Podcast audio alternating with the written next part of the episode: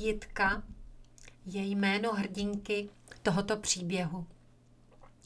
Jitka je vysokoškolsky vzdělaná, krásná žena ve věku mezi třicítkou a čtyřicítkou. Má předchozí zkušenost z raného manželství, které uzavřela v 19 letech a kdy velice rychle a brzy zjistili, že se k sobě vůbec nehodí, protože jsou dvě naprosto odlišné osobnosti a tak se brzy rozvedla. Poté už byla opatrnější a nové vztahy navazovala velice opatrně a pozvolna, až si našla partnera, který jí byl velmi milým, příjemným, sympatickým a naplňoval téměř všechny její potřeby. Myslela si, že konečně našla pana dokonalého. A tak to také bylo.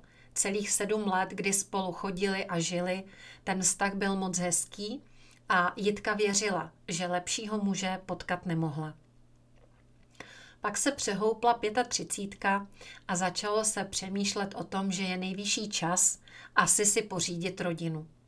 Víc to byla ale, eh, byl to návrh víc Jitky, protože Jitka cítila, jak ty biologické hodiny tikají. Pořídili si mimčo a v tu chvíli se začal manžel chovat trochu jinak. Pak přišlo dítě druhé a to už z něj byl úplně jiný člověk. Je pravda, že Jitka si uvědomovala, že od narození dětí je daleko více v roli maminky než manželky a partnerky. Což asi manžel těžce nesl.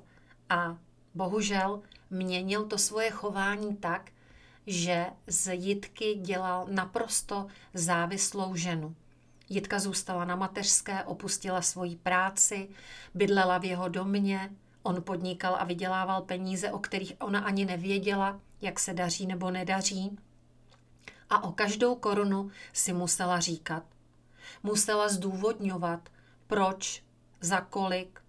A to i u dětí, když potřebovala koupit dětem nové botičky nebo větší oblečení, protože už vyrostly čím dál více si uvědomovala, že vedle sebe má člověka, kterého by si za jiných okolností vůbec nevybrala. Začala se stávat obětí manžela i dětí. Začala tuto novou roli, kterou jí vymezil manžel, přijímat velmi pasivně. Nebylo jí v tom dobře, ale dělala vše, co se po ní chtělo podstatě začala ztrácet sebe sama. Chtěla a stala se dobrou maminkou, ale současně dostávala informaci, jak je nemožná, jak doma není stoprocentní pořádek, jak není dobrá matka, protože se nedokáže eh, postarat o to, aby děti neplakaly, aby se nehádali, aby na sebe nekřičeli, aby po otci, který přišel z práce, něco nechtěli aby on měl klid, protože ho přeci potřebuje, když vydělává penízky. Jitce v tom rozhodně dobře nebylo, ale měla nad sebou to moto. Děti potřebují celou rodinu, děti potřebují otce. A tak to snášela. Snášela to tak dlouho, až přišlo zastavení. A tím zastavením byla diagnóza. Diagnóza rakoviny prsu. Najednou se jí celý život převrátil. První stavy, proč se to stalo zrovna mně? Má malé děti, ty mě potřebují. Co bude, když tu nebudu? Co bude s nimi? Jí vrhli do ohromné deprese. Nastala léčba a Jitka očekávala, že pokud jí má být někdo oporou, tak to bude ten nejbližší člověk, kterého pořád ještě považovala za manžela. A v této velmi náročné životní situaci se ukázalo, že všechno je jinak. Pokud se někdo byl oporou a podporou, pak to byly daleko víc kamarádky a její rodiče, zejména maminka, než manžel.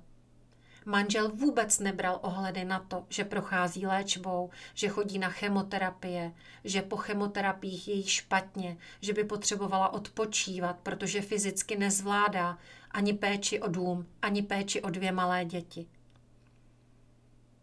Vyžadoval stále to stejné, jako když byla zdravá. Choval se stále stejně. Ponižoval jí, poroučel jí, kontroloval jí a žádal to své pohodlí. Jitka však byla opravdu chytrá holka a tak si to celé zpracovala a nemoc pojala jako příležitost zastavit se, přemýšlet o sobě, o tom, kdo byla, kdo je a pokud se zadaří, kdo možná ještě může být. Prošla si celou léčbou a v průběhu toho přemýšlela a pracovala sama na sobě.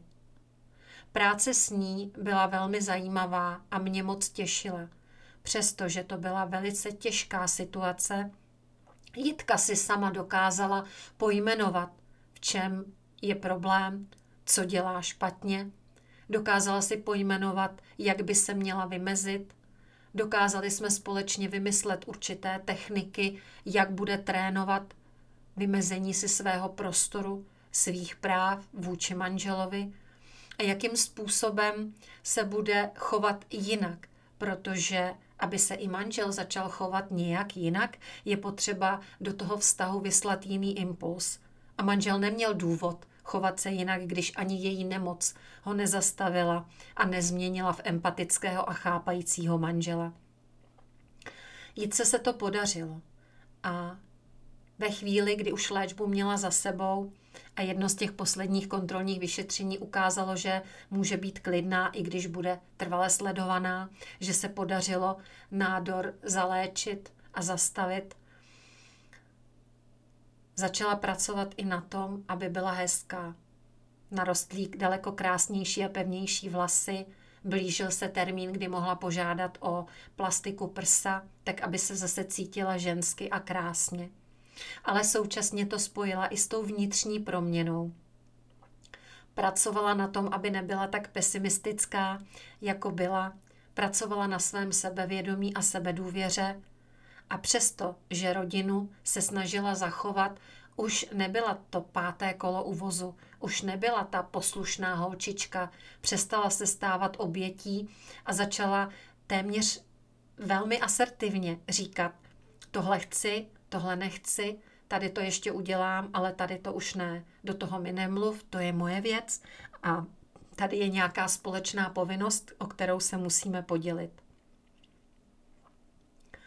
Hodně se těšila, až děti povyrostou a bude moct se sebe realizovat. Byla ekonomicky vzdělaná, ale měla přání mít svůj obchůdek s květinami. Nevím, jestli se jí to splnilo, ale moc bych jí to přála.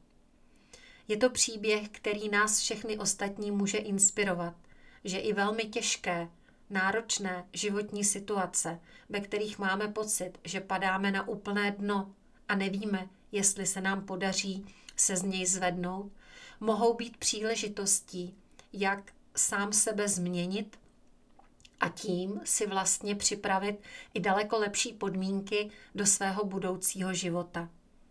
Možná, kdyby nebylo této drsné zkušenosti s rakovinou, jela by Jitka dál v těch svých stereotypech, v tom, že by si nechávala líbit daleko více, než je nutné proto, aby člověk byl šťastný a spokojený. Dejte si na to pozor a nenechávejte se utlačovat víc, než je nutné, protože někdy ustoupit je fajn, ale ustupovat stále, podřizovat se tlaku druhého, to přeci není zdravé manželství, to není zdravý vztah.